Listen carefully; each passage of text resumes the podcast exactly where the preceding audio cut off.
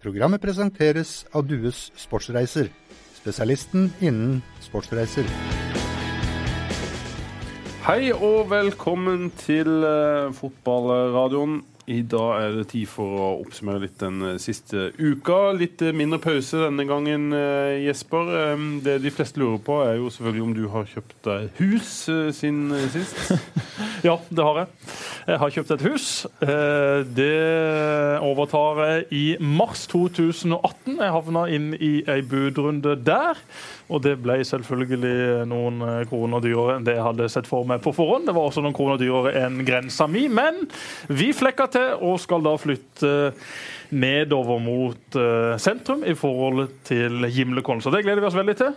En uh, flott plass, og der kommer uh, Trine til å kose seg innendørs, og Svein skal kose seg med en ball ute i en stor hage. Så dette blir bra. Stor hage og fotball, mulighet for fotball, det var et et must? Nei da, det var ikke noe must. Det finnes mange fine steder å spille fotball på. Men jeg har vokst opp eh, sjøl med en uh, liten hageflekk hvor jeg kunne få lov til å spille fotball så mye jeg ville. Rosebuskene til mamma de ble sparka i stykker. De ble også klippa vekk uten at mamma visste det, fordi at alle som har spilt fotball med litt lette baller, gjerne litt plastikkballer, vet jo at rosebusker det er ikke en fotballs beste venn. Så det skal selvfølgelig rigges slik at det kan lekes så mye som mulig i en slik hage. Så ja, jeg har fått meg hus. Husjakten er avblåst for eh, denne gang. Det er fint. Nå kan vi fokusere på en spennende avslutning i Obos-ligaen, i Eliteserien, og ikke minst hvordan det kommer til å gå med mannen! Fordi at vi snakka om mannen her sist uke, og nå har det jo vært to-tre nye dager siden sist med mannen. Over hele forsida til VG, FV, Nettavisen, Dagbladet, you name it. Det har vært altså overalt. Og mannen har beveget seg 20 cm, 10 cm. De dytter ned i vann for å få dette her greiene vekk. Men igjen, jeg så Lotepus var ute. Ring meg, så skal jeg få sprengt hele mannen i filler. så skal jeg få fjernet hele mannen. Men nei, de var redde for at Lotebø skulle sprenge resten av fjellet eller fjellheimen også. Så det tørte de ikke. Men uh, mannen den eh, består. Disse som bor under stakkars mannen, de har jo nå måttet flytte ut, og så er de tilbake igjen. Men tenk deg det, å bo under ei fjellhylle. Du, du er du gal?! bor selvfølgelig under et fjell som er i ferd med å falle i huet på det. Nei. OK, god natt. Vi ses kanskje i morgen. Du, du, du ville jo ikke bodd under vann. Altså, et par timer før så var disse her alarmlysene de blinka rødt, og det var livsfarlig å være i nærheten av mannen. Ja. Og et par timer etterpå ja, men nå har bevegelsen stoppa, la oss flytte dere tilbake. Nei. For noe rør. Enig i det. Vi må inn på fotball. Vi skal jo da snakke selvfølgelig om Obos-ligaen. En gang til. Ja. Eh, ikke, ikke, en gang til, jeg skal ikke si det samme en gang til, men en ting til. skulle jeg prøve å si. Og Det har jo også vært ei ny uke på Facebook med gratulasjoner til sine kjente og kjære. Senest i dag morges så så jeg et par. De var sånn sett helt uh, greie. De var selvfølgelig over streken, men det var ikke noe jeg klarte å tirre meg veldig opp på. Men men tidligere i uka så var det da en person Skal ikke gå inn på kjønn, skal ikke gå inn på hvem det var, men da var det altså en person som har vært gift, som har uh, unger med da sin eksmann. Nå mm. har uh, denne personen da funnet lykke med sin nye, store kjærlighet. Og det er sånn sett greit nok. Det skjer jo hele tida. 50 av alle ekteskap de ryker. Det er det jo statistikk på. Men så har da denne nye flammen bursdag. Og så har denne nye flammen laga et skattekart med en eh, pil, noen prikker og en henvisning til hvor da denne gaven ligger. Så da, denne personen som har bursdag, får da dette skattekartet og så skal gå og leite etter denne gaven. Helt greit, det også. Men så tar da denne personen, som har barn med en tidligere flamme, og legger ut bilde av skattekartet på sosiale medier og skriver 'Jeg har verdens skjønneste mann'. Altså, mm. Ungene dine ser det jo! Mm. Ungene dine ser det jo! Og så ikke nok med det, så kommer da den klassiske. Når bursdagen begynner å gå mot slutten, gjerne sånn 23.40, når man har fått haugevis av gratulasjoner, i stedet for å gå inn og gi hver og en en enkelt like, sende en melding til hver enkelt, eller bare gi blaffen i å takke alle de som har sendt deg en Facebook-gratulasjon fordi at de ser at du har bursdag på Facebook. Det var ingen av de som visste det dagen før, det er ingen av de som husker dagen etter. Det er bare en rutinegreie. Men så kommer da en sånn svær sånn banner du nå kan lage på Facebook med tekst. Takk for alle gratulasjoner. Alle de som legger ut det, gjør gjør det jo bare for å få enda flere gratulasjoner, enda flere likes og enda flere kommentarer. Dere er avslørt. Slutt med det der! Det, står jo over hele Facebook at jeg har bursdag. Det trenger ikke legge ut den der svære selvlysende banneren på kvelden bare for å få det samme en gang til. Fotball Ekstremt viktig seier mot Ranheim og ekstremt spennende avslutning. Derfor har vi henta inn Obos-eksperten over de alle. Nei, Roger Risholt, jeg snakker selvfølgelig ikke om det. Jeg snakker om Amund Isaksen Lutnes. Velkommen. Ja, Hjertelig takk for invitasjon til min favorittpodkast. Veldig hyggelig. Veldig hyggelig. Og som alltid, Pål, hver gang Espen Mathisen er her, jeg blir litt starstruck. Gjør du det? Ja, litt morsomt. Han er mye på TV. Ja. Ja, jeg blir litt starstruck. Jeg har kjent Det, Jesper det, siden det jeg må du bare legge vekk, Lutnes. 17-18 år, så jeg har slutta med det for eh, lengst. Det må Nå er det bare Jesper Enn jeg er starstruck for, da. Jeg faller meg. Første gang jeg intervjua Jesper, da, jeg tror han var 16 eller 17, da sto han sammen med Morten Hestad og eh, hva het han eh, islendingen? Elmar Elmar Bjarnason Bjarnason. spiller nå i på- Tyrkia. Sammen med ei dame fra Thailand. Fått seg en unge, og alt går fint med vår gode venn Elmar. Ja, en, god, en veldig god spiller. Det vi skal snakke om i dag, Obos-ligaen. Ikke god til å fiske. Drepte faktisk en torsk med en hammer en gang. Ja, ja. Bastialske scener ute i Men er ikke det litt sånn islending? Mathias Wilhelmsen er spiser greit, å, reker det er greit å drepe han med ett slag, men mannen sto jo og hamra løs på denne torsken selv om han var død for 40-50 slag siden. Pioner 15, som vi fortsatt har på hytta, er jo aldri blitt rein siden. Han og Williamson de eh, tar andre metoder i, i Og. Williamson, Han spiste reker, også. reker, reker med skall på. Yes, Williamson er jo skada. Eh, skal jo da se sitt Rosenborg eh, spille viktige kamper fremover. Men jeg fikk en melding av han. Og det var at eh, Han hadde sittet hjemme og sett denne kampen mot Ranheim.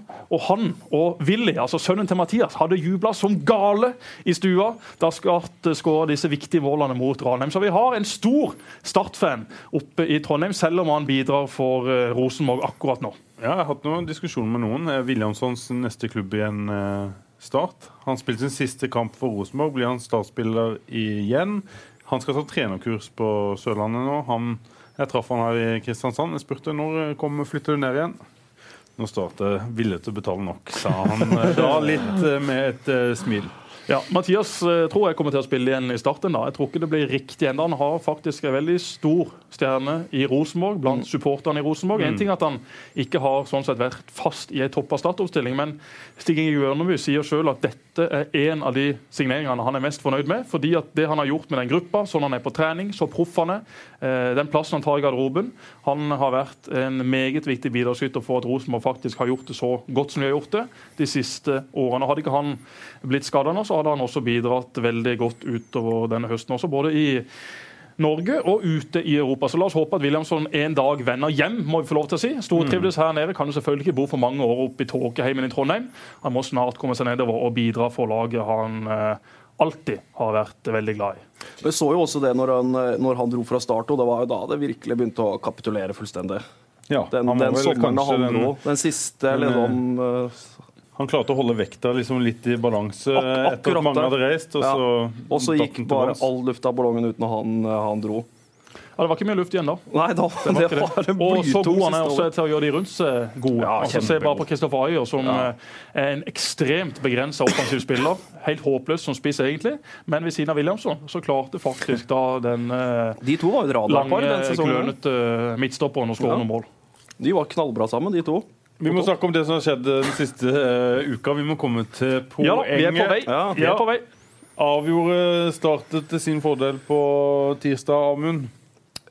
Jeg har jo sagt ganske lenge at jeg tror Start kommer til å snuble seg til dette direkte opprykket. Og det ser ut som de er på god vei til å snuble seg til det, og det var jo Nå er i hvert fall Ranheim helt punktert i, i toppen her. og Sandnes Ulf kommer ikke til å ta full pott eh, ut, og de gjør heller ikke Mjøndalen. Og nå har jo Start to nøkkelkamper nå. Jeg håper personlig ikke det blir avgjort nå på søndag, for det kan jo faktisk Start kan skal- rykke opp. Forklar eh, kort for våre lyttere hva som skal til for at det avgjøres eh, lørdag. Eller hva må skje da? Nei, På lørdag, hvis Start slår Arendal og Sandnes Ulf taper borte mot Elverum, som fint kan skje det, og så skal Mjøndalen jeg tror de skal ha borte mot Kongsvinger. Hvis Mjøndalen spiller maksimalt uavgjort der, så er Start 100 oppe i Eliteserien. Med direkte Vil vi det da, Jesper? Vil vi ha opprykk, flere opprykk liksom på søndag når Start ikke spiller engang?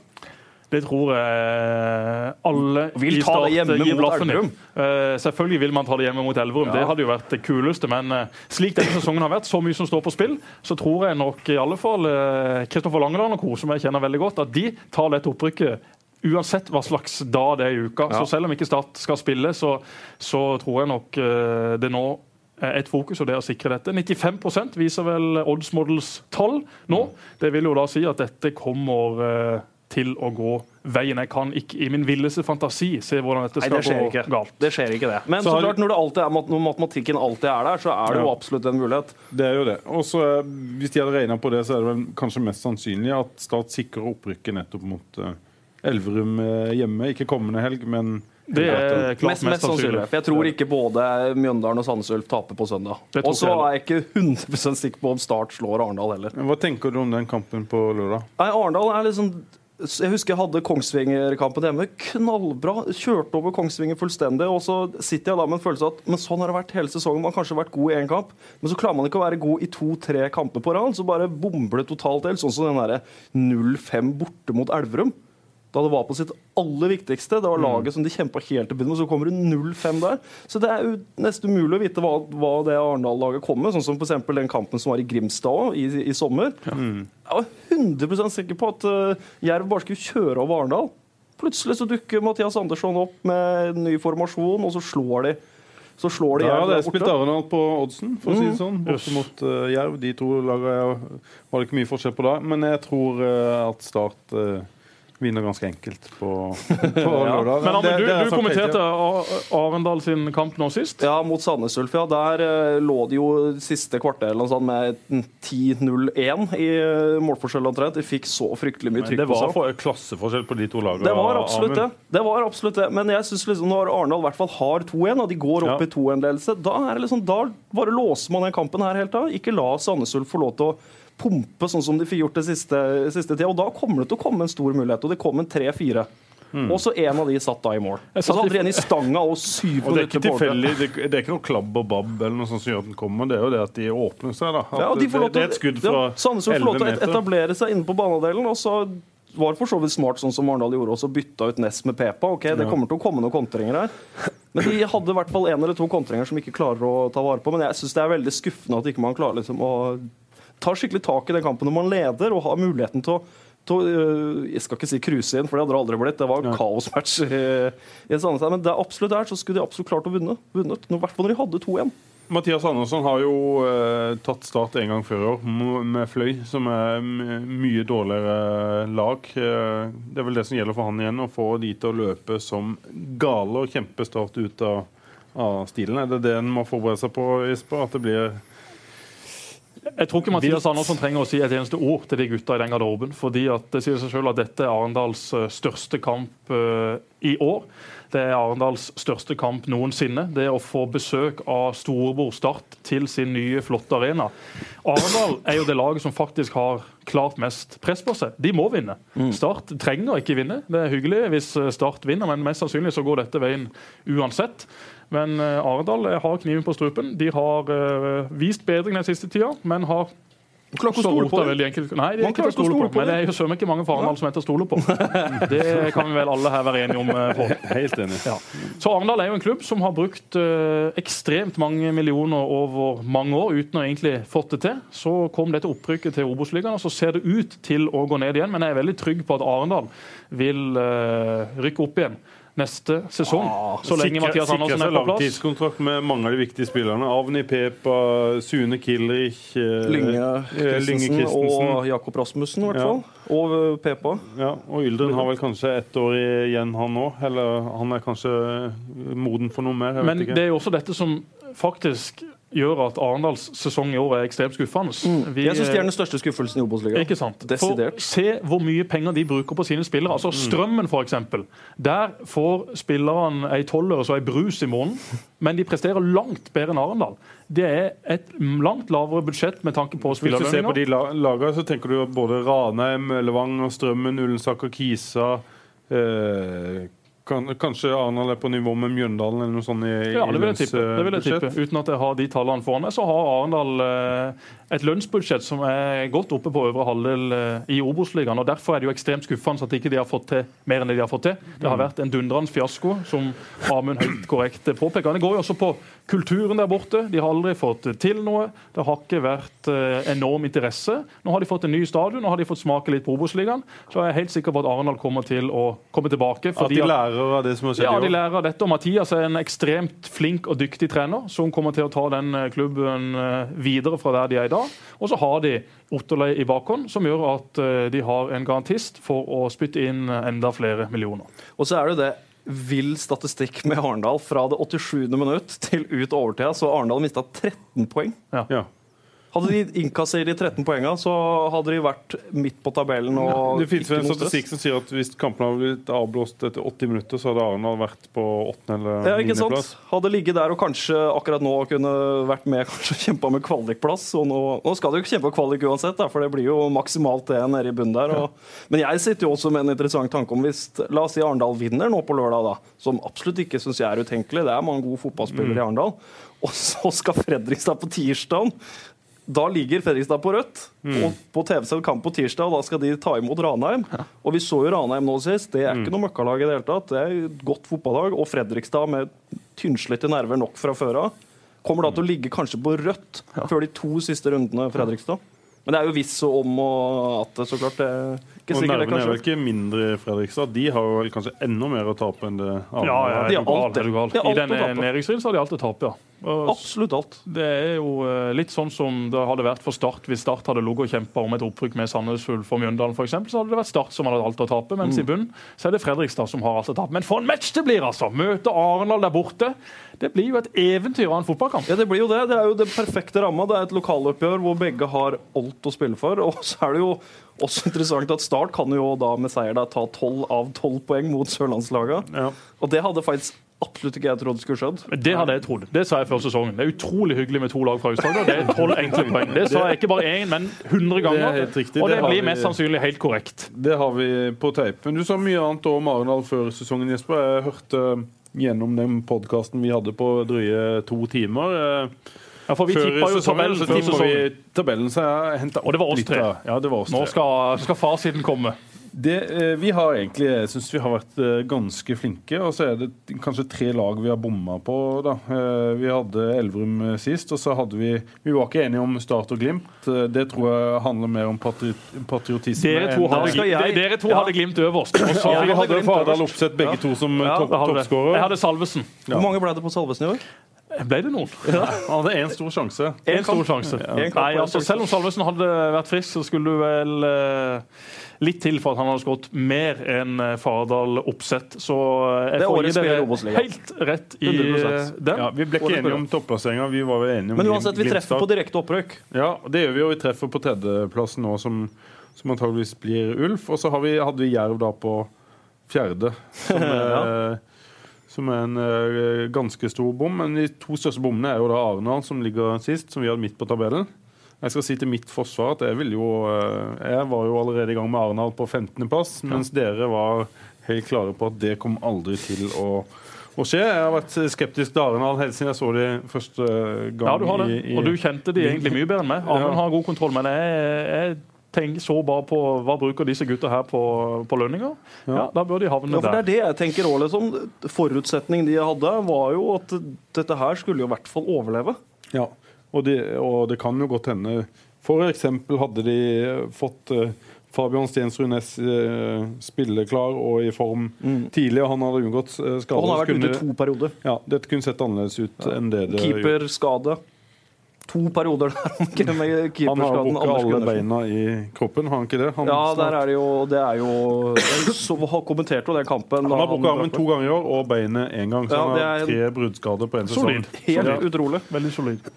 Og så hadde vi da Ullkisa på 13.-plass. Ullkisa som Det er vel eh, det laget som har fått mest ut av litt i år, Jesper? Ja, ekstremt imponerende. Eh, De åpna jo litt rotete, men den siste tida så har de virkelig vært gode. Nå har de eh, sine beste spillere klare. Ødemarksbakken har vært outstanding, signert av Lillestrøm.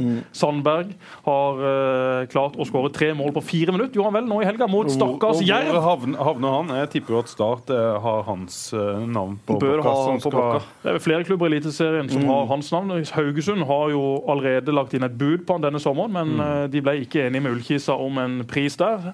Jeg blir ikke overraska om Sandberg spiller i en eliteserieklubb neste sesong. Var jo i Sandnes Ulf, der fikk han ikke noe særlig tillit. Der fikk han ikke noe særlig til, men så har han da kommet seg bort til Vega Skogheims menn borte på eh, Jessheim, og der har det virkelig fungert. Så har Men det men det må jo være en herlig klubb å spille i, for at der er det jo ikke noe press. Nei. Der er det ingen som det er, jo det er jo Lillestrøm som tar alt støyten der, lokalpressen og alt mulig sånn. Det, uansett, hvis, hvis Ullkisa finner på å tape 4-0 borte mot Tromsdalen, så er det ingen som bryr seg om det. Nei, De spiller på en flyplass. Ja, altså, de spiller sant? på flystripa. det er jo er jo ingen mennesker der som Ja, men Det er jo en perfekt utviklingsarena. De Ja, sender spillere til. Eliteserien. Ekstremt underholdende også på sitt beste. Ja, Men det er klart, når det er sagt at Jerv klarte å tape Hvor mye tapte de? 7-1. 7-1 ble det til slutt. At de klarte å tape 7-1 for Ullkisa. Andreas Aalby og co. Fantastiske gutter. Gode fotballspillere. Men 1-7, Sandstø! Ja, Det er hører jo ingen sted hjemme! Det dårligste laget jeg har sett i Obos-ligaen i år, Ullkisa på Jessheim. Ja. Da, var, da var jeg så Ullkisa Jerv? start. Å nei, måtte, ja. og var på Jessheim og så den kampen. Mm. Det, det Ullkisa-laget jeg så der, er det svakeste laget jeg har sett i, i Obos-ligaen. Men da mangla de Sandberg og Aalbu, blant andre. Da, så Og så tapte jo Ullkisa 6-2 på Lever, Det gjorde De det. gjorde de også. faktisk. De slo tilbake, gitt. Absolutt. De De gikk i pluss der på målforskjellen. Men eh, andre spenningsmomenter, andre ting vi skal dra opp fra denne tabellen. Vi kan jo ta det bak for Elverum, Florø 15., Tromsdalen 14., Ullkisa 13., Åsane 12., Ranheim 11. Der bomma jo Fryktelig. fryktelig. De har jo, ja, det trenger jo ikke bli så fryktelig bom. Nei, nei nei, det nei kan jo bli bare De kan dette litt nedover, de. de kan, altså. Kongsvinger, Arendal, Fredrikstad, Levanger, Mjøndalen, Strømmen, Jerv, Ulf, Start og Glimt. Eller Glimt og, og Start. Da vi bomma litt med Strømmen òg, som vi kanskje var litt blinde at de Men Strømmen hadde er gjort det bra på La, La Manga, Jesper. Ja, Espen Olsen klarte å, å snakke opp sitt eget lag der nede, og det i- lot jo da lure. Ja. Men de er vanskelig å bli litt kloke på. Da. De, det henter jo bare, stort sett bare litt sånn spillere under radaren, og det er vanskelig liksom, å analysere og plassere de i et uh, sted. De også er jo akkurat det samme som Ullkisa, at uh, får få lov å jobbe og holde Ja. på i fred. Vi hadde jo veldig tro på Brensrud, som vel ikke hadde noe spesielt god første halvdel av sesongen, før han da ble solgt og gikk til Sogndal. Ja. Store utskiftninger der òg i strømmen. Vi skal si oss relativt godt fornøyd. Det er ikke lett å tippe en tabell og at man da bommer kraftig på noen lag. Det er bare å forvente. Ja, ja. Men det var en gøy kamp mot eh, Ranheim, for å snakke igjennom den kampen også. 0-2 tidlig. Hva tenkte vi da? Jeg eh, var jo helt sjokkert. Og, og først så må jeg bare si at det 1-0-målet til Ranheim er jo årets mål i Obos-ligaen. Ja, det er vakkert. Det er årets mål. Da. Den pasninga fra Reginiussen hvor han har gjennom uh, Tyri der, det, det er så bra Alt ved fotballforståelse. det målet er jo egentlig Alt, ja, perfekt. Avslutninga var fantastisk. 2-0 sier jeg er en keepertabbe Oppdal. Jeg mener han skal klare å få vippa den ut. Hvis vi skal ta Oppdal, jeg så det igjen i går, skal vi også ta Simon Larsen, som mister ballen på Ja. et klønete vis på vei frem. Det så jeg først i går, glemte jeg å skrive i, i, i børsen, men det er vel en, en ball han eh, vanligvis eh, fister på utsida av stolpen sin, og ikke inn i lengste. Ja, jeg tenkte også det da jeg så det, at uh, om ikke det er en tabbe, så er det iallfall et skudd han absolutt Ja. eh, Men det definerende øyeblikket i den kampen er jo da Løkberg nesten øker til 3-0. For hadde han økt til 3-0 der, da er jo kampen ferdig. Så å si. Og da tror jeg i hvert fall ikke Start hadde kommet tilbake til pause. Da hadde Ranheim leda inn til pause og kunne da fått kampen akkurat sånn som de vil. Sånn som Ranheim elsker. Kommer og er bitterlillebror i eh, Obos-ligaen og møter store, sterke Start. ikke sant? Og bare får lov å spille på Enig med Amund. Altså, det var to øyeblikk. Det var den redninga til Håkon, som han vel egentlig redda med skinka. Og så er det skåringa til Nils Fortåren. Nils Fortåren er en fantastisk eh, mann. Ikke verdens beste fotballspiller, men har virkelig gjort en god jobb for Start denne sesongen. Har vært også outstanding i garderoben og utafor banen. Og måten han der bare kriger først til den ene headinga som keeper redder, men da hvordan han egentlig ofrer huet sitt. Der er det veldig mange spillere som ikke hadde gidda, som liksom hadde hoppa inn i den duellen med en sånn slags uh, alibiløsning. Men for Tåren, han uh, ofrer det flotte ansiktet sitt, han. Og den uh, ligger i hjørnet. og det var for meg det som uh, redda den kampen for Stars del. Hadde ikke den må det målet kommet så tidlig, så tror jeg som Amund sier at Ranheim hadde vært ekstremt tøffe å slå. For da hadde de fått den kampen virkelig i sitt spor.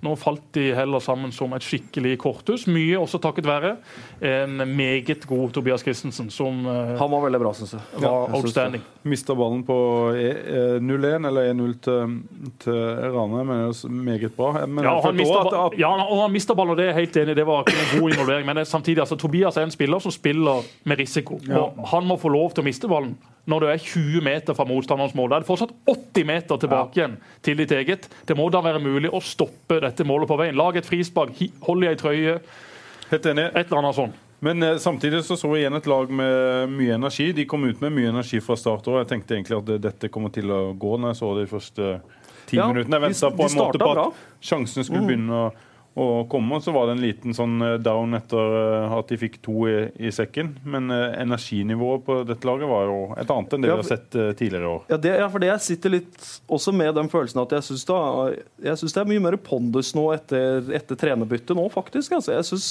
Start ser, ser annerledes ut. Så klart, man rører jo på de to på de to baklengsmåla sine, men det er en eller annen sånn krigerinnstilling som jeg syns ikke jeg har sett, eh, sett før i år. Og vi som har vært kritiske til tidspunktet for trenerbytte og sånn, må vi spise i oss de orda. Jeg syns jo timinga er fryktelig rar uansett hvordan du vrir og vender på det. Altså. Og jeg tror jo Start også hadde rykka opp med Steinar Pedersen. Mm. Jeg tror det. Men uh, nå er det jo noen andre som mener at han ikke er rette mann, da, og det er jo det er jo deres privilegium det som kan sitte og ta sånne avgjørelser. Det er akkurat det det Ja, basert på er. disse to kampene så har det iallfall vært riktig. Ja. Start med Steinar i de tre-fire siste kampene var stein dødt. Det var null energi, det var eh, null kraft. Eh, og Så kan man spekulere i hvorfor det var sånn, men eh, borte mot Strømmen var det veldig solid. Hjemme mot Ranheim også nå, syns jeg, som du sier, Pål. Selv om disse målene kom imot, så sto Start høyt. De gjenvant banen, de klarte å skape angrep på angrep. Du så her at det er et lag som er atskillig mer tent og bedre enn det andre, og det var Start. Så Og trøkka mye mer til. oss, f.eks. med Henrik Robstad og Simon Larsen. og sånn, Det var et tøffere spill. Går knallhardt litt inn i duellen og viser at ok, dra, nå er dere på bortebane. Ja, du fått- er, nå også- er dere i løvens Og så skal du ikke undervurdere i den situasjonen man faktisk er, at du har en gærning som han her, Mick- Priest, på, på sidelinja, som virkelig har tatt for seg på trening, i kraft av å satt, satt opp tøffe økter. Også vært krystallklar i tilbakemeldinger i garderoben, på feltet. Det ser ut som spillerne har forstått at jøss, nå må vi også heve oss. Vi må også legge lista litt høyere og klare å komme oss over den. For spillerne skal ha all mulig honnør for måten de har respondert på etter dette trenerbyttet. Det var ekstremt mange det var egentlig alle gutta i garderoben som hadde et nært og godt forhold til Steinar, og ikke minst Erik Rudfold, som har vært der i 170 år. Det da å klare å bare fokusere på disse to kampene, det har vært imponerende av, av, av den gjengen. Helt enig. Og så en ting, Jesper, du som har eh, noen tær eller en fot, eller eh, hva du skal kalle det, i, Store bein. i start. ja, eh, du kjenner innsida godt. Eh, Det er jo ofte sånn i situasjoner som dette, hvor det kommer inn noen på permanent basis og leder et lag og får suksess, at de går fra en nødløsning til å plutselig bli aktuelle som, som, som en mer permanent løsning. Hva tenker du i det tilfellet her? Det tror jeg ikke kommer til å skje. Start eh, jakter fortsatt på en mann som skal lede dette laget fra neste sesong. Det gjør selvfølgelig ikke noe nå. Nå ser dette ganske greit ut. og Da kjører du på med, med Mick og Joey, som har gjort en, en strålende jobb. Men uh, alle har vel vært ganske klare på at det er fortsatt en jakt på en uh, mann eller kvinne, hvis det finnes noe interessant der ute, som kan da lede Start i 2018. Og så vil da selvfølgelig Mick ha en eh, veldig sentral rolle rundt denne treneren. Det er jo Tor Christian Karlsen som har brakt Mick inn til klubben, og da er selvfølgelig han tiltenkt en, en, eh, en veldig tydelig rolle der. og det tror jeg også spillerne setter veldig pris på, for de har fått veldig sansen for han. De har virkelig sett hva han kan, og hva han kan utrette. Du ser det liksom på øynene til spillerne nesten at jøss, Hvis han skal fortsette, så er det utrolig viktig vel at han eh, viser at han kan få resultater med laget også. Selvfølgelig. Helt klart. Mm. Så det er vel sånn det er. Hva tenker du om en eh, Vi har jo skrevet at Mark Dempsey er Stats førstevalg som, som trener. Hvis en eh, skal pare Mick Priest med noe, så virker det veldig naturlig. Hva tenker du om Mark Dempsey, eh, Amund? Ja, Mark Dempsey er veldig spennende navn. det. Han har jo fått uh, vært litt rundt da, sammen med Solskjær. Men så er det liksom alltid, jeg har alltid hatt liksom følelse med Mark Dempsey at han er litt rundt og farter, og så nei, altså, vil jeg hjem til Solskjær. Ja. Så det, men det er, jo, det er jo et øh, godt trener. Men så var det jo mye kluss borti Haugesund der òg. Plutselig så bare ga han seg, og så dukka han opp i Djurgården, og så var han ferdig der. Og så var det tilbake i favnen til Solskjær oppe i, oppe i Molde. Men det, det er jo det er jo en, spiller som, nei, det er en trener som blir skrytt veldig mye av. da. Hvordan kjenner du Dempsey, Jesper? Du, Jeg kjenner ikke han noe annet enn at jeg har eh, intervjua han, eller blitt intervjua sammen med han et par ganger. En, eh, en høflig og eh, respektert fyr hver gang jeg har truffet han. Men jeg kjenner ikke noe mer til han eh, sånn på det personlige plan enn en akkurat det. Han har vel også vært uh, på noen sånn julefester sammen med Davy Vatne, mm. uh, der han har levert meget uh, godt. Han skulle vel synge denne her jeg skulle, jeg skulle plukke plommer i Hardanger. Det er jo en sang som vel er Vestlandsfanden som har den. Det er det nok. Ja, og så gikk vel sangen noe sånn som at i should have fucked a plumber in Hardanger. Et eller annet sånt. Et eller annet sånt. Så uh, det er visst en skikkelig moro. Han har jo alltid sånn glimt i øyet. Du ser på, på alle intervjuene med Mark Dempsey. Han er ikke den han er ikke den kjedelige, stotrende treneren. Det er alltid mye energi i de intervjuene med Mark Dempsey, og det er jo sikkert noe som Glimt i øyet og smil på lua, så får vi se om mm. Det nå er det bare et navn som blir kasta ut der, så klart. Men det er i alle fall som er positivt for Start, er jo at Start er jo et spennende prosjekt ja. for uh, trenere rundt forbi i Skandinavia. Kastet, det er ikke navn som blir kasta ut, uh, Amund. Det er Nei, ikke. Når det vi skriver et... at han er Stats førstevalg, ja, ja, ja. så det, vil jeg påstå at det, det, det stemmer. Og det tror jeg har jeg ikke noe problem med å tro på i det hele tatt. Men sånn er det jo alltid i en sånn prosess som det her, da, at det er mange navn som blir uh, dratt opp på hatten. Jeg personlig sitter jo også med en sånn liten nostalgifølelse at det hadde jo vært ekstremt kult med Tom Nordli. Og det er det vel eh, mange som gjør. og Tor Kristian Karlsen, vi snakka litt om det sist, har jo vært fan av, av Tom Nordli eh, og hva han eh, har gjort. Men de siste åra taler, taler, vel ikke veldig til Tom Nordlis fordel. Det er lenge siden han har vært topptrener. Ja, det er det. Ja. Det er lenge siden han har vært topptrener, og nå er han blitt en toppkommentator på NRK. Så ja, men Tom selvfølgelig drømmer mange om Tom. Det, det skjønner jeg ekstremt godt. Det han utretter her nede er jo fantastisk. Det har vi snakka om i mange episoder før. Det skal vi snakke om i mange episoder siden det også. skal vi. Og så må vi snakke litt om, om Start og hva de må gjøre. hvis Det, la oss eh, si at Start har rykka opp i Eliteserien og skal spille her i, i 2018. Amund, du som ser Eliteserie og Obos, kjenner begge ligaene godt eh, og ser hva som har skjedd med Start i de to divisjoner de siste åra. Hva skal til for at de klarer å etablere seg? Jeg syns det faktisk skal ganske mye til. Først så må man jo få avklart dette trenerspørsmålet. Mm. Og det må jo egentlig skje så fort som overhodet mulig. For skal du drive og hente spillere, så skal du hente spillere inn i et system. Da, som Om det skal være 4-3-3 eller 4-4-2, det syns jeg egentlig er eh, samme det. Bare så lenge man har spillere til å spille det man kan spille. Og da ser jeg for meg at uh, det bør jo være en, en kraftig oppjustering av spillestallen. Mm. Jeg kan kanskje se for meg at i bakover så kan det jo nok hende at det er en del spillere som Start allerede har på plass. Ja. Tenker jeg. F.eks. bekkene. Og hvis Oppdal har vel kontrakt ut uh, neste år, siste kontraktsåret hans. Ja. Det er en keeper som absolutt holder nivået. Jeg tenker nivået. kanskje mer at, at, stopperne kanskje har de allerede med, tenkt, med Simon ja. Larsen og Damien Lowe, da, som de har eh, tro på, selv om han så rufst ut sist. Mm. Det, ja, kanskje må ha et par nye backer, men ja, Jeg har egentlig tenkt at Forsvaret virker så å si, så å si satt, tenker jeg. Og så er jo da det... De må ha en konkurran eh, konkurranse der. Konkurrent klart, Eirik Vikne, i hvert fall på, på høyresida, der det er tynt besatt når Skogmo antageligvis forsvinner.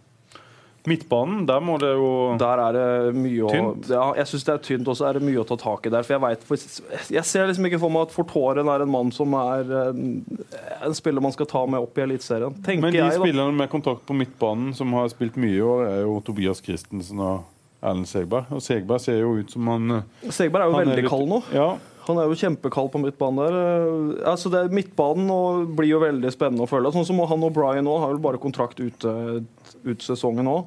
Så det, det, kan godt hende det skjer ganske mye. ny kontakt på Fortoren, ville du uh, beholdt uh, han for å ha litt kontinuitet og en som kjenner klubben. Og ja, er, og så er en må. Må, kan jo ikke bare ha tre midtbanespillere. Nei, og så er det, det er jo en kriger. Det er jo det. En som kan komme inn og gjøre en jobb. Men jeg, jeg ser ikke for meg at det skal være starteren i startelveren. Eh, og så er det jo en av de også mest utskjelte spillerne i Start, det er jo Gummi Kristiansson, som tyn eh, har fått det nesten helt siden han kom, omtrent. Mm. Er jo også en sånn, kanskje en ålreit spiller å ha som en sånn squad player. da til å sette inn når det koker litt, når du plutselig skal til Bergen og det er 1-1 der. Sette inn noen som kan få det til å roe litt ned og krige. Men så handler det vel òg Jesper om hva en kan få tak i. For en kan ikke bytte ut et, eh, et helt lag. Det er vel verken fornuftig eller eh, spesielt eh, god politikk. Nei, altså for det første så ble det jo allerede i sommer henta inn spillere som egentlig var tiltenkt for, for 2018. Mm. Selvfølgelig bidra til et opprykk, men Lov Floki eh, var jo henta inn for å være eliteseriespiller. Lov Mm. var eh, rotete i første omgang mot Ranheim, syns jeg, men jeg syns han faktisk var ja, den bak der som sto fram i andre omgang. Rydda godt Han har jo en fysikk av en annen verden. Det Han har fysikk, han har fart, og, og, og han må bare få tid på seg. Så tror Mm. han blir en god stopper i Eliteserien. Eh, så får dere heller hogge huet av meg hvis jeg tar. Spil, spilte goldcupfinale for Jamaica mot USA nå i sommer, så det er jo en, Ja da, Det virker som en ball, veldig smart signering, det her, da. Flok jeg synes jeg blir eh, bedre og bedre for hver kamp jeg ser han i. Uh, sleit litt til å begynne med med at han så litt eh, rusten ut. Mm. nå syns jeg han ser skarpere og skarpere ut. Og så har du henta Skålevik i sommer på lån. Han eh, skal nok tilbake til Bergen, vil jeg tro. Hvis ikke Start og Brann blir enige der om en overgang. Men Brann, som har hatt Orlov, som har hatt Børven som sine to valg på topp i år Ingen av de har levert i nærheten av hva en klubb som Brann bør kunne forvente. Nå har de altså hatt Skålevik på besøk i Kristiansand, og han har hamra inn mål.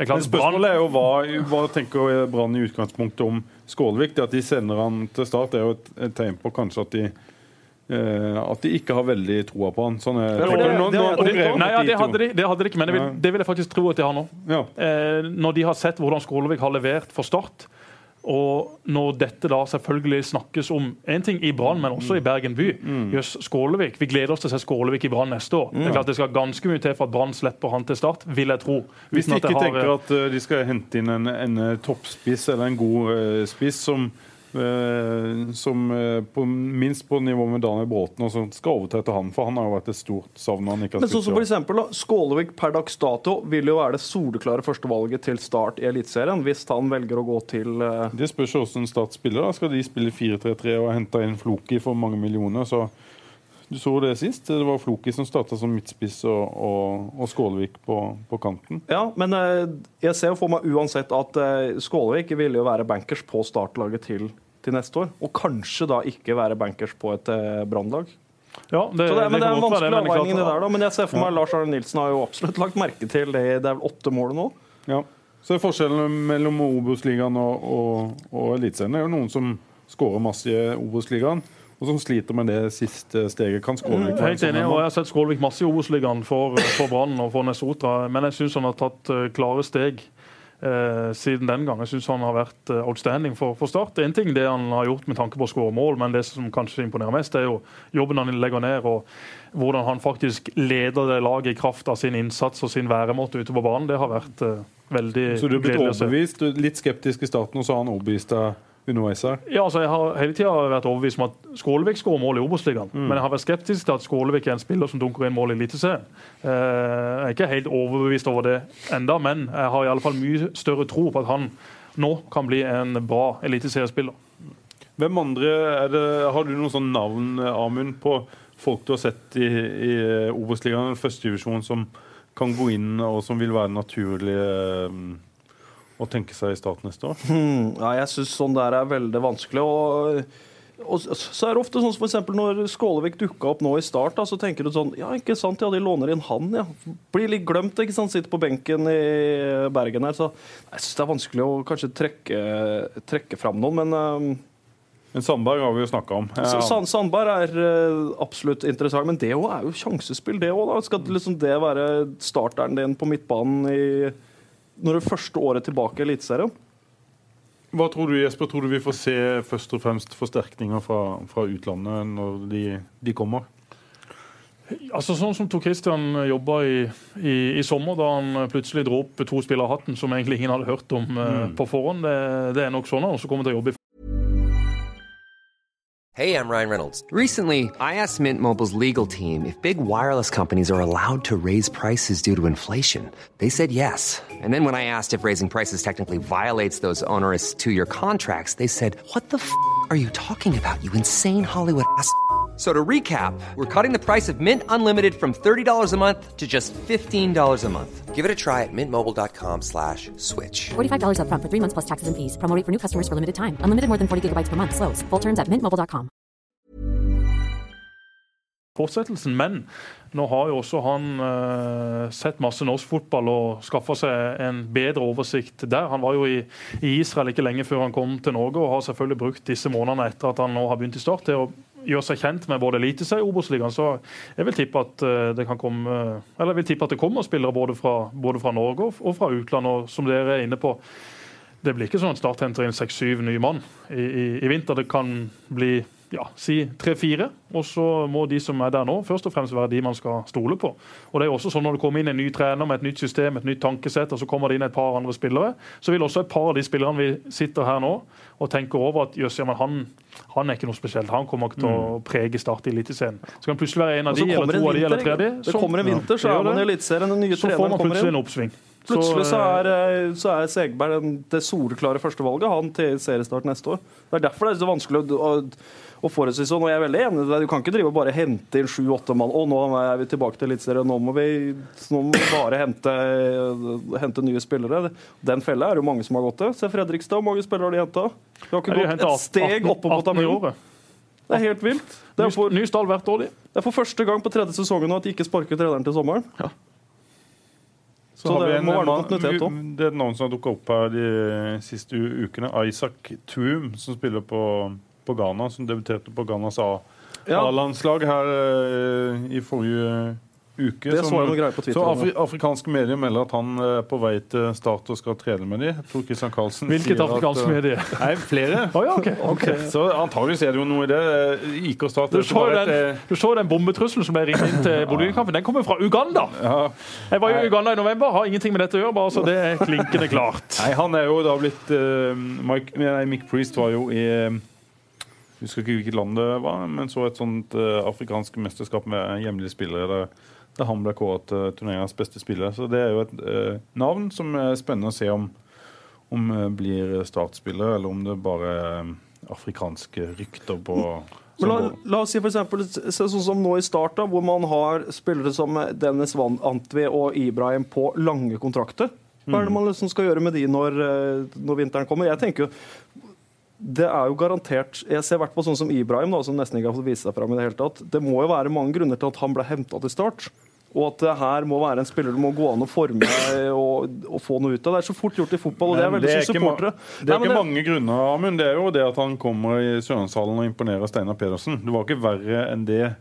Eh, det er jo ikke sånn at Start hadde voldsomme analyser eller har sett masse han eh, tidligere og studert han eh, nøye. og Det er jo sånn Start har henta spillere tidligere. og det ja. skal du være en Jeg kom vandrende inn i Sørlandshallen i vinter, eh, litt seint i, i treninga. og Da kommer det bort en, eh, en, en mann med, med startskjorta på seg og bare mm. sier at du, nå har vi funnet gull. Mm.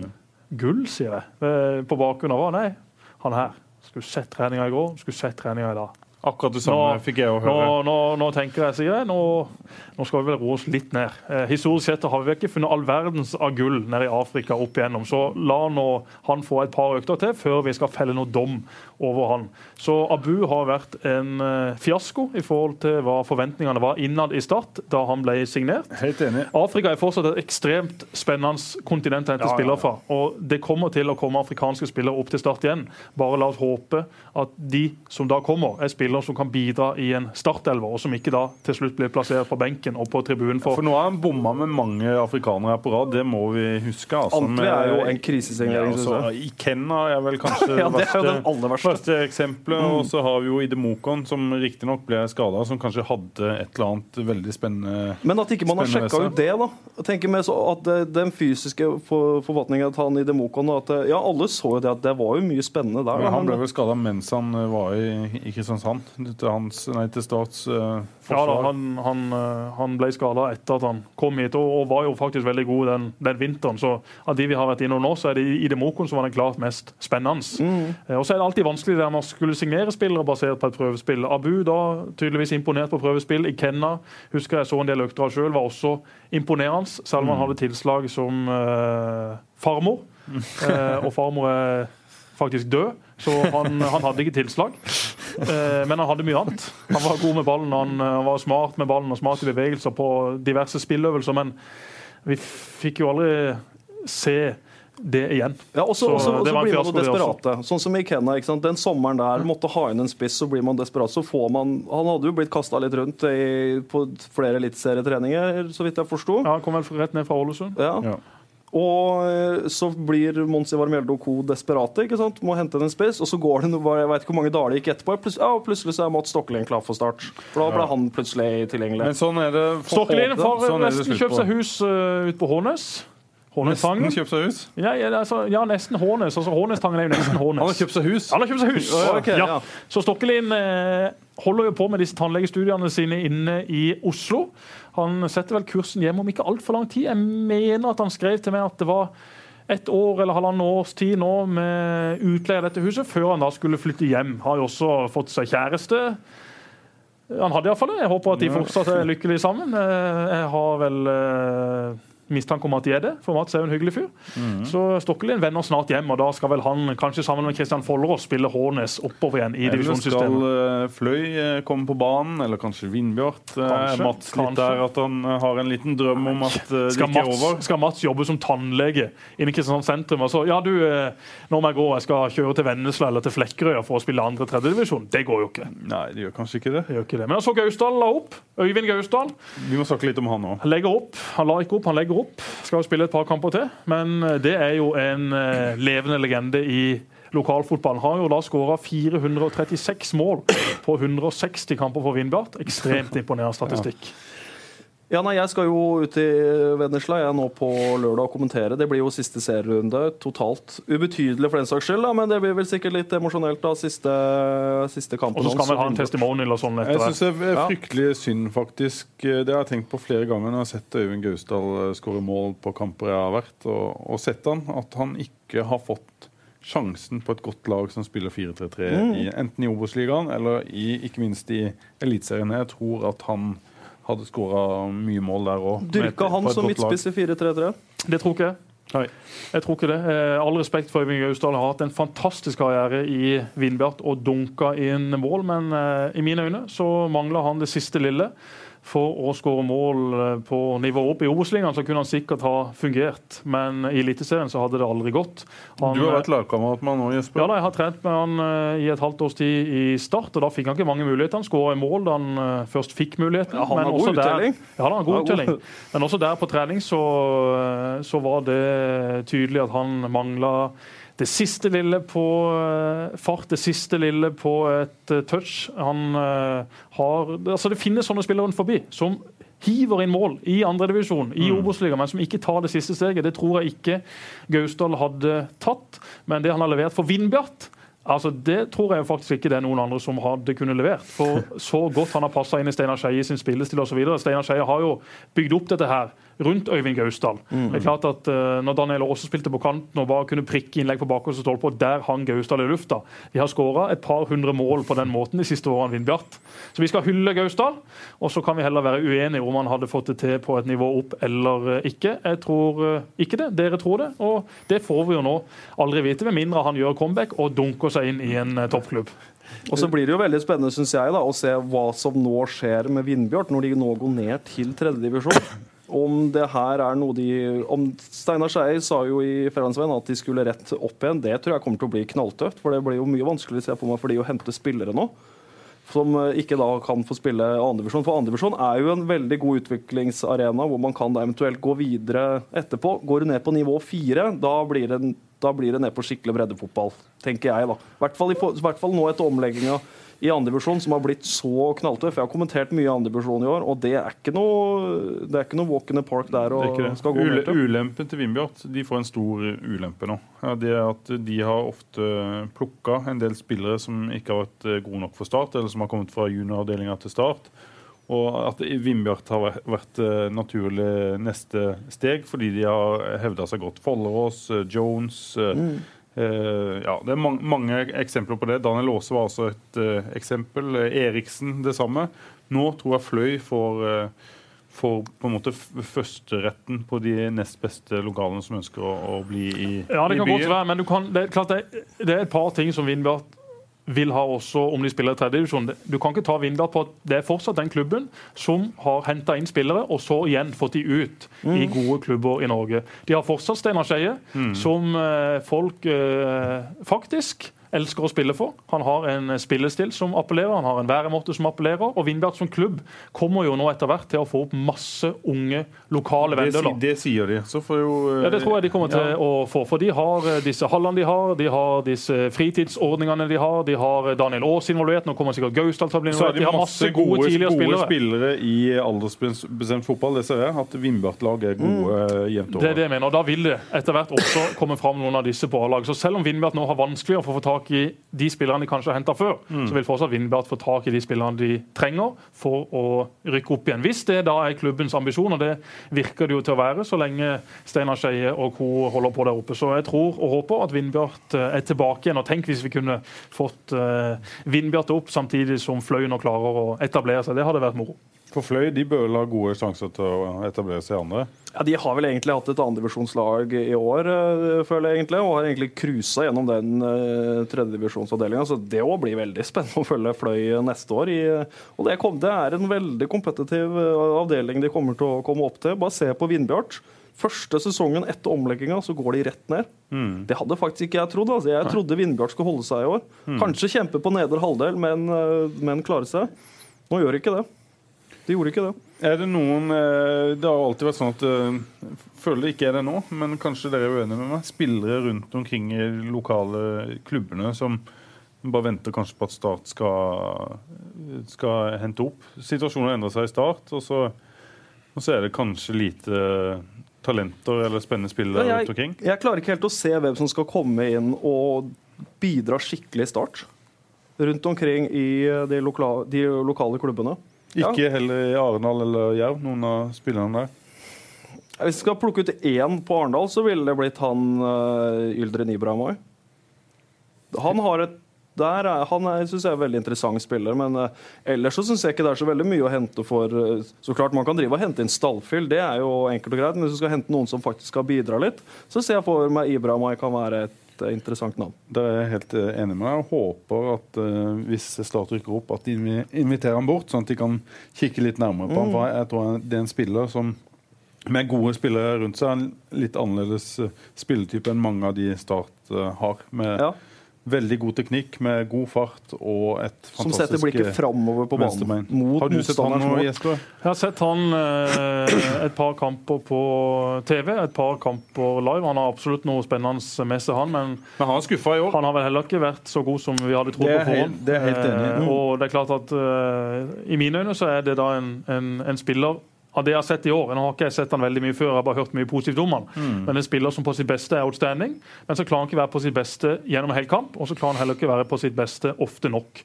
Han er samtidig veldig ung, og kanskje hadde han Mm. hatt godt av å komme seg til et nytt miljø med bedre spillere, en bedre treningsgruppe osv. Så, videre. Mm. så eh, det blir eh, interessant å se hva som skjer med han. Vil han bli værende i Arendal, så får han en kjempesentral rolle der borte. og Såpass godt kjenner jeg Mathias Andersson at eh, selv om Arendal rykker ned, så vil eh, ikke han eh, godta noe annet enn eh, at de skal trene og fremstå som et eliteserielag. Så han får nå sjøl Ja, Arn Arendal skal gønne på. De er allerede hvis de, ja, så klart ikke Arendal rykka ned, da. men den dagen det eventuelt blir at Arendal har rykka ned, så er de opprykksfavoritt i sin avdeling. Men Amund, du som kjenner Arendal, det gjør du også, Bolle. Hvem, hvem skal startfolket se opp for på, på lørdag? De som ikke har sett Arendal så mye, og hvem kommer til å være de offensive kreftene hos Arendal som kommer til å true Start? Jeg syns det er litt problem til Arendal, at de har flest eh, helt klart Jeg syns det er for få spillere som utmerker seg veldig. Ja, men det er veldig mange av spillerne fra midtbanen og frem som er best offensivt. Og Det syns jeg til og med gjelder Jakob Rasmussen, som har en defensiv rolle. Klart best offensivt, kjempegod pasningsfot, men har ikke nok kraft i seg til å dekke de rommene som, Og sånn som som Lynge, Lynge kreves. Lynge. Christensen Er det samme. mye inn og ut av kampen, syns jeg hele tida. Han Ja. kan fort bare plutselig bli helt usynlig. Eh, Rasmus Lyngen Christensen og Yldren Ibramihai er jo veldig like spillertyper. Mm. Eh, Venstrebeinte, lettbeinte, tekniske. Og så har du jo eh, den som man kanskje må se mest opp, opp for, syns jeg, og som kan skape trøbbel for Start, er Fabian Stensrud Næss. De gangene jeg har sett han når han er i form, så syns jeg det ser ut som en, en spiller som i hvert fall holder godt, uh, godt uh, Obos-nivå. da må jeg få skyte inn. Han ble jo så klart henta fra Moss. Mm. Og Kommer fra Moss, Drøbak. ja, og Moss i 2017 opprykk. Gratulerer, er. Dette er jo hjembyen og ja. laget til Amund. Første opprykket på 20 år. Men sagt. hvis jeg skal sammenligne han med en spillertype eh, Alexander Søderlund. Han har litt den eh, Power, powerspiss. powerspiss som tripper litt på tæra, som gir juling, bra spenst, bra fart. eh, og som eh, Han må bare passe på at han er i bevegelse, for hvis han, han kan falle fullstendig ut av kamper også. som er hvithaien. Ja, Dør hvis han står stille. ja, ja. Han kan falle fullstendig ut av kamper hvis han eh, ikke får det til. og Da blir han stående og Jeg er fan av. Ness. Er. Strålende at du leverte to mål mot uh, Sandnes Ulf. Satt i Fotballekstra-studio og hylla Ness, og ikke minst, jeg hylla Arendal for første gang i mitt liv. Arendal som by, som klubb. Folkene som kommer dit eh, fra, jeg hylla alle og én. Mente det selvfølgelig ikke, men jeg gjorde den i hvert fall på, på TV. Og det er jo greit. Det er veldig hyggelig av deg, Jesper. Eliteserien, skal vi, Ja, vi må rulle gjennom den? Vi, ja, vi kan gjøre det, men bare si litt om Jerv òg. Skal vi det? Ja!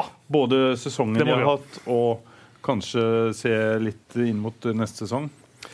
Jeg syns jo det har vært eh, kjempeskuffende med Jerv, sånn sportslig sett. Eh, Men jeg har drevet og snakka med mye folk eh, i og rundt Jerv som egentlig har hatt en litt sånn at, hatt en sånn tanke av den sesongen at det har egentlig vært greit å fått en litt sånn sesong. Hvor på en måte ikke alt har gått på skinner. For i to år, de to forrige sesongene så har jo alt gått på skinner. Alt har gått Jerv sin vei. I år så har det butta mye mer imot. Nå kan man være mye mer revansjesugende inn mot eh, 2018. Nå er kvalikmulighetene begge veier. Det, kan ikke, det kommer ikke til å skje. Arndal, nei, Jerv kommer til å ende et eller annet sted midt på tabellen. og og, og, sikre plassen, og kan da være mye mer revansjesugende inn mot uh, neste år. Men for eksempel, i forhold til 2016 så hadde man Tony Brochmann. En sånn spiller har man ikke hatt i år. Man har ikke hatt, før jeg hadde en OI. Hadde OI. så den spilleren skulle være danser i år. Han kom jo altfor seint alt for seint i gang. og Men det, han syns jeg i kamper har vært eh, rett og slett eh, klasse. Ja, det har han absolutt vært, men det tok ganske lang tid før han virkelig begynte å... Han har også hatt enkelte kamper hvor han har vært veldig langt unna klasse. Mm. -hmm. Og jeg syns de har litt det samme problemet som, som Arendal rent eh, offensivt. At de har ikke spillere liksom, som kan eh, låse kamper og, og lukke kamper. De har sluppet inn altfor mye mål. Ja. Stopperne eh, Nils eh, Petter Andersen og Glenn Andersen er jo langt fra den standarden de var i. Og Nils Petter har jo nesten ikke spilt heller. Nei, og har Glenn er blitt mye. ett år eldre. Spørs om Ja. han, han er ferdig. Om de må rett og slett prioritere litt defensivt sterke spillere. Ikke minst. Jeg så Ben Wells, eh, vår gode venn som eh, jobber i fotballradar. Jeg kjenner ikke han, da, men eh, han har da Jeg kjenner Ben. prestert å, putte Nå skal ikke jeg si noe stygt om denne spilleren, som er vanskelig navn å uttale. Bris Wembangomo. Wembangomo, ja. Som jeg syns har vært kanskje den svakeste spilleren på, på Jerv i år. og Det syns jeg er veldig trist, for han så så spennende ut. Men han har vært så dårlig defensivt at han klarte han å komme er- seg med han- på årets unge lag til Ben Wells. Det Ja, men altså, er en eh, han sitter, sitter nå borte i England der og trykker på en PC. Det er klart at Jeg har ikke den samme oversikten som å reise rundt i Norge og kikke på kamper da. Så med all respekt for han. Men de må Men han prioritere på årets unge defensiv han. De må eh, prioritere eh, før neste sesong, Jerv. En spiss som skårer mål, det er det jo ingen tvil om. Men så må de finne et eh, fundament som, eh, som er langt bedre enn det de har nå, rent eh, defensivt. De er vel laget som har sluppet inn nest mest mål i Rune Jacobsen og co. må virkelig gjøre en jobb eh, der i vinter. Det er ingen tvil om det. Vi trodde før sesongen at Jerv kom til å pushe Start. At vi skulle få to lag i toppen, og at Arendal eh, faktisk med en god sesong skulle være med og kjempe om en Kvalik. For så tett er det i Obos-ligaen.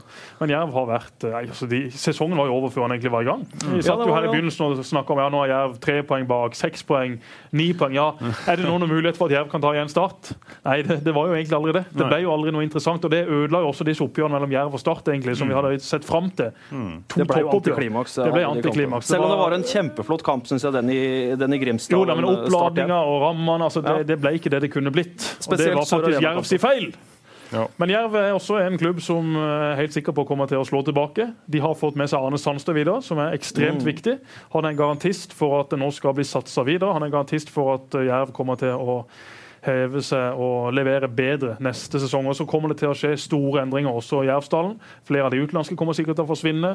Et par av de som har vært med nå i flere år, kommer sikkert til å bli bytta ut osv. Så, videre. så det blir en spennende er, vinter. Jeg, jeg, er litt, eh, jeg er ikke så sikker som det er på det Eller jeg tror det kan bli At Jerv kan gå inn i en tyngre periode og kanskje dette ned en divisjon, tenker jeg ville vært naturlig med de ressursene Jerv har. Det er vanskelig å ta det der siste steget, men hvis de klarer å etablere seg i Obos-ligaen, Men Arne Sandstø hadde ikke signert en ny kontrakt hvis ikke han hadde fått lovnader fra visse mennesker i Grimstad om Nei. at vi skal få lov. Men jeg håper de er satse villige, videre. villige til å, å satse det som trengs da, for å, å ta, det, tar det siste steget. Nå konkurrerer de fortsatt eh, mot eh, Arendal, og de kommer til å konkurrere med Start. Kanskje de kan få litt hjelp av Start. Noen spillere som, eh, som er vannskorpa eh, Obos-ligaen, eh, Eliteserien, at de kan gå til, eh, enten på utlån til Jerv eller, det, eller gå og det vet jeg det har vært eh, samtaler og diskusjoner rundt. Nå, nå rykker Start sannsynligvis opp. Mm. Jerv kommer til å ligge der de ligger. Nå har det vært kniving mellom disse to lagene naturligvis i flere år. og Nå snakker jeg ikke om at Jerv skal type bli en farmerklubb for Start. Med en gang Jerv har en god spiller, så skal han slippe seg satt. Men nytte Men for begge det er det jeg mener. Det er klart, Start. Start vil ha spillere, gjerne unge spillere, som eh, er Obos-ligaklasse pluss. Mm. Da er det bedre at de bidrar for Jerv og utvikler seg der, i stedet for at de skal sitte tre navn, En av de spillere i Jerv eh, neste sesong. Erlend Segberg, Lasse Sigurdsen, Lars Jørgen eh, Salvesen. Jeg tipper minst en av de er i Jerv eh, neste sesong. For eksempel kanskje også Thomas Ernikov eh, kan også være et interessant navn Ja. for Jerv.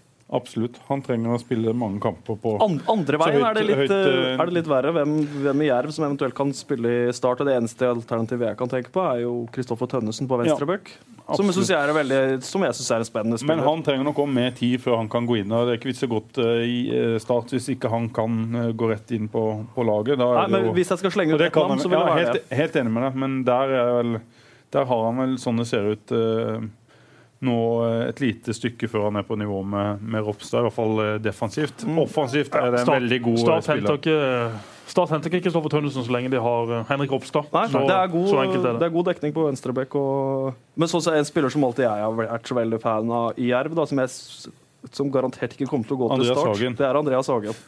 Det- Han syns jeg alltid er veldig morsom å se på. Det, var jo også full, det var jo også full jubel i Svaberget. Det. De reiste jo mannesterke dit til, til Jessheim, og det var jo full, det var jo full, full liv og røre der da Andreas Hagen reduserte til 7-1 fem minutter før slutt. Men du hadde en historie du skulle fortelle i dag. Ja, Hva var det for noe? Det er eh, noe helt annet da, fra min uh... Ja, vi er ferdig med Obos nå. Nå går vi på historie, og så kjapt til Eliteserien, og så okay, ja. må vi hjem. Ja, det Jeg kommer ikke til å si noe navn eller noe kamp, eller noe sånt, men det var en kamp jeg har hatt denne sesongen her. Vi må ha divisjon. Vi kan si på nivå tre. Ja, altså andredivisjon. Post Ja. Nord. Post Nord. Og jeg har vært rundt på mange forskjellige arenaer øh, der i år. mange kamper har du kommentert i år? Og Hvis vi tar med La Manga. det var ikke så mange på La Manga i år, men øh, vi er nok øh, oppimot øh, 60. Det er. Så var det veldig mange på Sørcup, da. Ja. Skal regne med alle de Sørcup-kommentatorkamp, så var det mange. Men det er, si et sted mellom 60 og 70. Ja. Sirkus. Det var kamp, liten produksjon, som det også er i Obos-ligaen. Det er kommentator og meg, og så er det en som eh, styrer kamera. Og jeg styrer også alt av repriser og alt mulig grafikk og sånn, så jeg har ganske mye å holde styr på. Midt i denne kampen her, så plutselig så hører jeg et sinnssykt stort dunk rett ved siden av meg.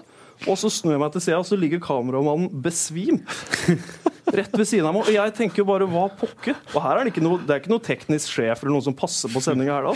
Da måtte jeg skrike ned til benken. Jeg måtte ta av meg kommentatorsetet, skrike ned til benken. Kameramannen har besvimt, og så plutselig så blir det jo full virvakt. Da kommer det opp en eh, fra det medisinske apparatet der nede og gir noen bananer og noe vann. Og da tenkte jeg bare sånn Nei, men pokker, det, kampen er jo i gang. Kampen ble ikke stoppa eller noe sånt. Så, da, så da tar jeg bare kamera, jeg, da. Jeg tar kamera, og så filmer jeg, filmer jeg kampen. Og så tenkte jeg etter noen sekunder faen, jeg må kommentere òg. Så tok jeg liksom på meg headsetet, og så filma jeg, jeg ut, eh, filma ut førsteomgangen med lagoppstillinga i hånda her, og den på og fulgte med på skjermen og eh, kommenterte. Var det noen som klagde på filminga? Nei, det var eh, Og jeg har sett det ettertid, det var ganske krisefilming, men det ble dokumentert. Og det var det jeg tenkte. Altså, jeg får ikke gjort noe med den besvimte der. Hun, eh, han eller hun blir passa på. Ja.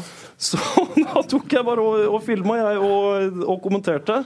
Ja, det er noen av den verste opplevelsen Men, jeg har hatt der. Altså. eh, Jeg ble helt satt ut. Kammerkvinnen eller mannen våkna til live og, og kunne filme han noen gang? Her ligger det ennå.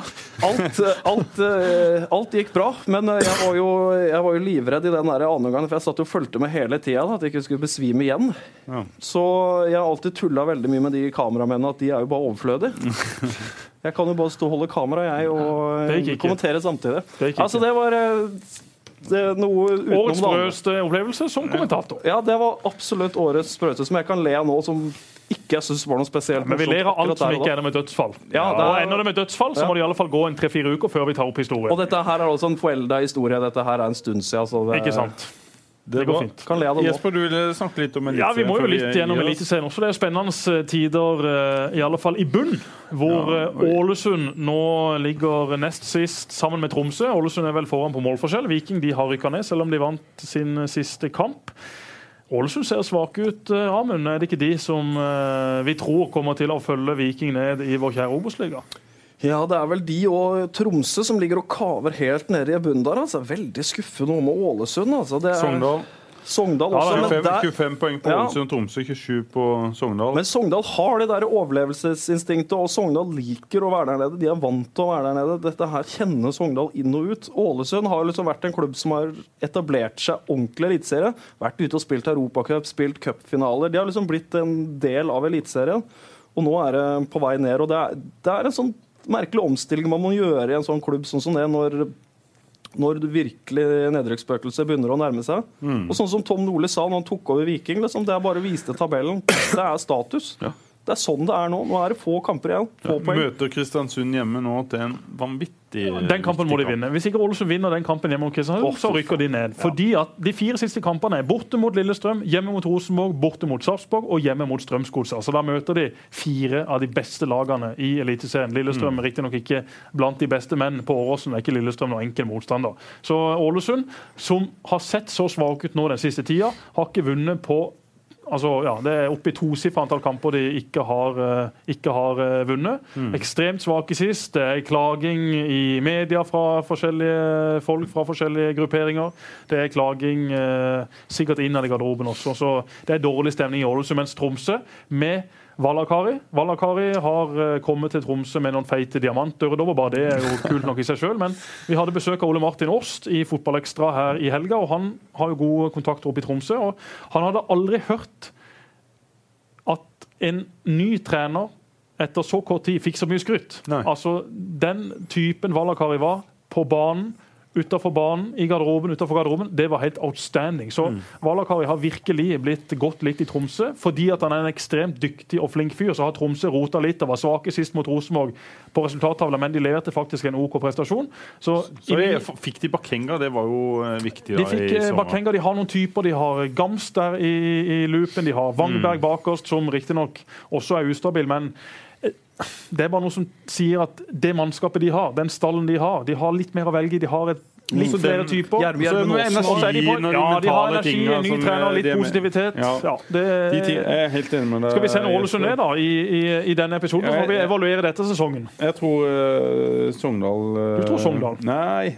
Men Martin tror, Ramsdal og Erik rykker jo ikke ned! nei, men Sogndal er jo eh, De eh, sliter, de òg, altså. Jo, men de har også har også- disse typene. Hovland og Wæler oss. Skjolse og Ramsland. De har Komsol og. Mbakali og gjengen. Sogndal- Sogndal-Tromsø om tre runder, vel. Eh, Ja, det blir noen dramatiske matcher på slutten. Ja, det det. Ikke Men nå har tenk jo på det. Så har du Kristiansund nå, bare 29 poeng. Plutselig kan Kristiansund gå på en skikkelig Kristiansund og. Sogndal er også i faresonen. De er det. Lillestrøm eh, de klarer seg. Men Sogndal og. Kristiansund kommer uansett inn i sesonginnspurten med mye mer energi enn de andre lagene. For at Kristiansund så har det her vært en eventyrsesong. De har fått vært der oppe. De har slått Rosenborg vel i Ja, og de har vært gode det siste, faktisk, Ja. Kristiansund. Selv om ikke det gikk veien eh, sist. Godt, godt og kompakt lag det der, som er, som er, som er ek ekle å møte. Viking de, de gidder vi ikke snakke om. Nei, de er ferdige. De er ferdige. Hvem vil vi ha ned da, Jesper, sett med sørlandsøyne? Viking kan vi jo ikke beholde selv om vi ønsker Nei, det alle Viking, men Viking kommer tilbake, de. Eh, nei, jeg tror Ålesund kommer til å rykke ned. Eh, hvem av de som rykker ned, og så, hvem jeg vil og sånn, det, Det det er si. sånn sett det, det samme for meg. Eh, Ja. Men Ålesund er ikke det de en gang var. De har mista den oransje fargen. Nå er det begynt å falme. Nå er vi eh, snart nede på en sånn rød-gul variant av en kjedelig oransje farge. De, de har ikke vært gode, altså. Jeg synes, ja, altså, ja, Ålesund synes jeg også er litt, en av de klubbene som har kanskje blitt litt mer sånn eh, kjedelig da, de siste åra. Ålesund har liksom alltid vært var, Altså, alltid har vært liksom sånn farge, farge, fargeklatt i eh, Eliteserien. Ja. Alltid syns Ålesund har vært det. Nå så er det liksom sånn. Nei, nå er, nå er det Moss er på vei ut av kontrakt. Altså, nei, det, det er bare rør. Det blir sånn grå masse. Det kommer ikke til å gå. Ålesund dessverre Helge Skuseth, de kommer til å rykke ned. Så skal vi si litt om toppen nå. Du har jo vært eh, ganske kritisk mot Molde, Jesper. som mm, siden du eh, hamra løs på de har klatra et par plasser i hvert fall på tabellen. Ja, jeg har vært eh, kritisk til- Molde i år. Jeg var kritisk til Molde i fjor. I fjor var det en veldig skuffende sesong. Nå ser dette ut til å bli en bra sesong, med tanke på at de nå er favoritter til å ta dette sølvet. Og det er jo egentlig der de bør ligge, med tanke på så mye penger de bruker, med tanke på den spillerstallen de har, med tanke på det laget de har. Så øh, jeg tippa vel Molde på tredjeplass før sesongen. Da hadde jeg Odd på andreplass. Odd har jo vært en eh, enorm skuffelse, men Molde har vært gode i det siste. og Sammen med Sarpsborg så er det de to lagene som kommer til å kjempe om den andre- og tredjeplassen. Brann, tre strake tap. Nå begynner det å bli murring i Bergen fordi at Lars Arne Nilsen ikke spiller underlandsfotball. Nei, vi vil heller at Brann skal skåre like mye som de slipper inn, hørte jeg en bergenser si her tidligere i uka, uten å si hvem det var. Men eh, det kan jo ikke være på det viset. Nå har altså Lars Arne Nilsen tatt Brann fra midten av Obos-ligaen og opp til toppen av Eliteserien. Ikke bare ett år, men to år. Det er jo enormt imponerende. Så Grunnen til at Lars Arne Nilsen ikke spiller feiende flott fotball, er at han har ikke spillermateriale til det ennå. I Hødd spilte han morsom fotball, angrep, trøkka på. I Brann har han faktisk sett at ja, vet du hva? Den, sterk, den, største styrken i mitt lag er det jeg har bakover. La oss organisere opp dette skikkelig, og så får vi heller ta det andre fremover. De åpna sesongen i år med å skåre masse mål, men det er jo en venstreback som de henta som vrakgods fra Vålerenga. De henta Nori fra start, de henta Bråten, som var på vei inn på gamlehjemmet. Han har de plutselig blåst liv inn igjen. De har Haugen og Barmen, som faktisk har levert gode sesonger, som er blitt gode, etablerte eliteseriespillere. Så trenger de jo da en spiss som virkelig kan underholde, og så trenger de da kanskje også en ving-type Vega, bare enda litt mer stabil og enda bedre, som kan engasjere og begeistre dette ekstremt kresne Vega var, på vei, Brann-publikum. Vegard var på vei hit. Det var en, eh, det er en annen uh, sak. Men du glemmer litt eh, eller Du sa det kanskje. Stopperne til, til Brann, som kanskje er grunnen til at de har Ja, altså Bakover har. Brann sin store styrke. Wormgård og Acosta. Jeg hadde tatt de foran alle andre midtstopperpar i Eliteserien. Også Reginussen Skjelvik. ja, det hadde. Eh, Reginusen og Skjelvik er et eh, solid og godt stopperpar. Det er også Reginiussen landslagsspiller for eh, Norge, det er Skjelvik også, men Reginusen er jo inne i en topp av lagoppstilling. Men Acosta og Wormgård de har vært outstanding, og det er vel ingen som overrasker over etter å ha sett de for henholdsvis Brann og Ålesund i fjor. Så kanskje da sammen med Reginusen og Skjelvik, så, så er de det klart beste stopperpar i, i Eliteserien. Og det er jo morsomt for oss som har sett Acosta siden han kom hit fra dag én. Så også da at han var ekstremt god, men utvikla seg egentlig for, for hver sesong. Det er der vi skal ha Damien Lowe om eh, Det Kanskje det. allerede neste det år. er det. det, er det. så fort som mulig. Ja, Det også var en sånn morsom karakter i, i start, syns jeg. eh, Bismar Acosta. Jeg kommer, jeg kommer aldri til å glemme den kampen jeg kommenterte. Det var eh, Start Odd. Og du så Og han grisetakla han derre Thomas Grøgaard så inn i granskauen, husker jeg. Hadde vel en mot uh, Sandefjord òg, da han booste buste inn i Ja. eh, Men det er, det er på en måte liksom en, så, en sånn spiller som, som, eh, som setter standarden. da. Martin Wiik. ja. Så må vi også gratulere Vipers med seier i Champions League. Nå har jo Terje Markussen prestert å uttale at uh, det skal snakkes mer om Vipers enn det det gjør uh, om Start rundt uh, lunsjbordene i Kristiansand. Til det har jeg bare en ting å si. Lykke til. Du, uh, du Da- tror ikke på det? Ja, da kan jeg skyte Er det noen som tror på det? Er det noen eh, som jeg- tror på det, andre enn Terje Markussen, som eh, skal ha oppmerksomhet rundt Vipers, og da selvfølgelig må snakke om fotball og Start? da må jo Start uh, forbli i Obos-ligaen. Forbli i. Obos-ligaen. Start måtte jo spilt i sjette divisjon!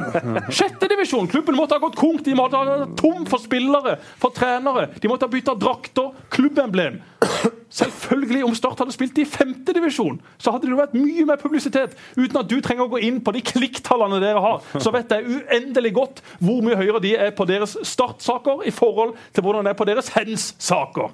Det er riktig. Men så er det, så, men så, så. Når jeg er inhabil, da Jeg har jo vært i og rundt Du har vært spiker speaker Vipers, på Vipers sine eh, kamper lenge, så, og jeg syns det er kjempemoro å gå i eh, Aquarama, spesielt hvis det er jevne kamper. Jeg var der i går mot Oppsal. Jeg syns det blir litt kjedelig når man bare valser over motstanderen. Men er det jevne og tette kamper og stinn brakke akvarama, så er det en kjempekul opplevelse. jeg kan også se på håndball. Jeg ser på Enda masse sport. Men det trenger ikke være sånn at Vipers for det at de skal ha oppmerksomhet, trenger å rakke ned på start og fotball. Altså Med all respekt for Ja, håndball teie, teie, og Vipers. Det vet jeg. Men Ja. med all respekt for håndball og Vipers, det er ingen som bryr seg i forhold til de som bryr seg om fotball.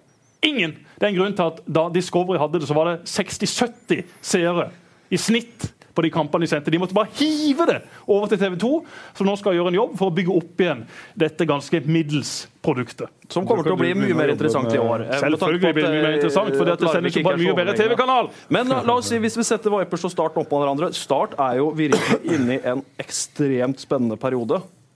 Ja, ja. Hvis det går opp til Eliteserien nå, nå, kan det, nå er jo alle muligheter der for at Start kan bli et få- kjempekult produkt. Men det vi må huske på, Start har ikke oppnådd noe ennå. Nå må de rykke opp, og så må de begynne å prestere, og så kommer eh, folk. Det er ikke sånn at Tenk hvis det skjer masse hvis- administrasjon eller Tenk hvis eh, disse gutta fra Start en drøm hadde brukt 10 av disse pengene på håndball. Da hadde Vipers hatt lag 1 og 2 i Champions League-finalen hvert eneste år. Ja, det, det er to helt vidt forskjellige økonomiske verdener. Og jeg har all mulig respekt for de som går på håndballkamp, og de som driver håndball. Terje Markussen er jo en fantastisk flink mann. Det er jo ene og alene pga. han at Vipers ligger der de ligger. Hadde det ikke vært for Terje, så hadde Vipers fortsatt spilt ute i Karlshallen foran 170 familiemedlemmer. Ja. Ja. Men jeg tenker jo det er jo dritkult det, da. At eh, Kristiansand har Ja, det er jo eh, det som er, ja, ja, ja, det er kult, men som kan spille på lag med ikke, ikke kom og fortell meg at det liksom skal bli noe kamp og fight mellom Vipers og Start. Terje Markussen og alle andre. Det er jo selvfølgelig ikke sånn disse mekanismene fungerer. Det vet du like godt som meg og alle andre. Jeg ønsker Vipers masse lykke til med sesongen. Har gått i klasse med Kristine Lunde. Hun fikk toppkarakterer på universitetet da vi studerte idrett sammen. Ei strålende dame. En strålende håndballspiller.